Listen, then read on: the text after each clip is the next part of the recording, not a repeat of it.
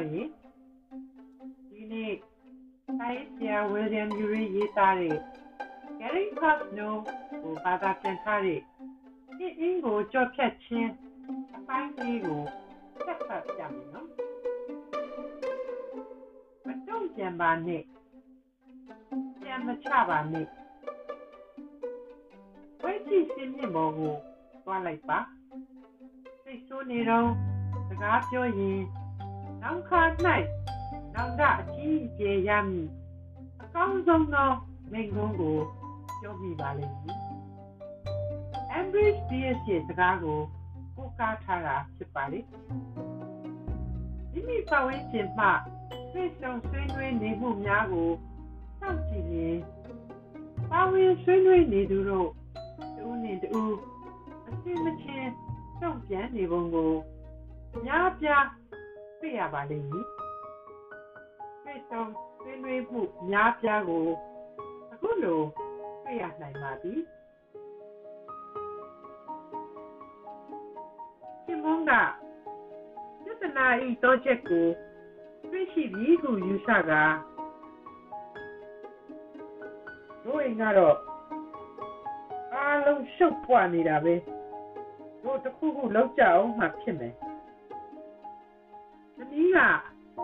မိမိအားတိုက်ရိုက်ထိခိုက်သည်ဟုယူဆပြီး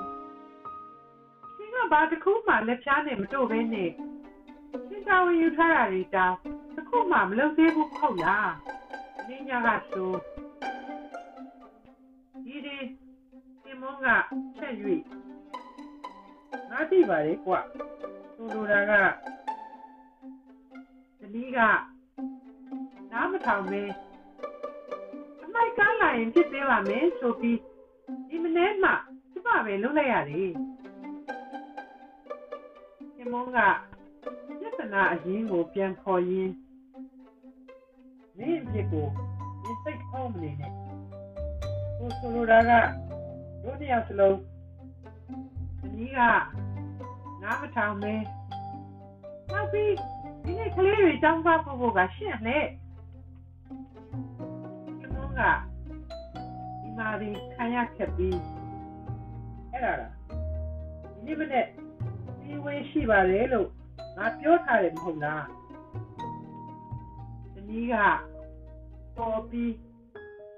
တော့ကြပါရှင်ရှင်းချိန်ကကျုပ်ချိန်တဲ့ပိုပြီးတန်ဖိုးကြီးတကောကျုပ်တော့ဒီမိသားစုမှာနေရာတိုင်းအောက်တန်းကကြီးပဲစိတ်ကုန်နေရှင်စိတ်ကုန်နေဒီမာရီဒီမက ပြန်អော်ရင်အော်ဟဲ့လားဒီအိမ်မှာဘယ်သူကပိုက်ဆံရှားနေတယ်ဆိုတာလေသတိရပါဦးအခုတော့အပြန်အလှန်အော်ဟစ်ညင်းခုန်မှုကြောင့်ဒီမွန်းတယ်လို့ရှိတဲ့အိမ်နဲ့ရှိရဲ့အတွက်ရောနီးတယ်လို့ရှိတဲ့အိမ်မှုကိစ္စအကူအညီရရေးအတွက်ပါဘယ်လို့မှအကျိုးမရှိခဲ့ပါဆရာမှုတစ်ခုကတုံ့ ပြန်မှုတစ်ခုကိုဖြစ်ပေါ်စေပြီးအဲ့ဒါကတစ်ဖန်စံပြန်တုံ့ပြန်မှုကိုဖြစ်ပေါ်စေပြန်ပြီ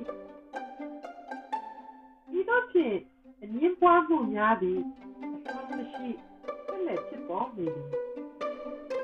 လုံသမားသမက်ကနှင့်အုပ်ချုပ်ရေးဆိုင်ရာဝန်ထမ်းများသည်လုပ်ငန်းစည်းကမ်းများဖြင့်ပတ်သက်၍အငင်းပွားကြသောအခါသို့မဟုတ်လူ မျိုးစုများသည်နေမြင့်နှင့်ပတ်သက်၍သိကျင်းကြသောအခါအထက်ပါပုံစံကို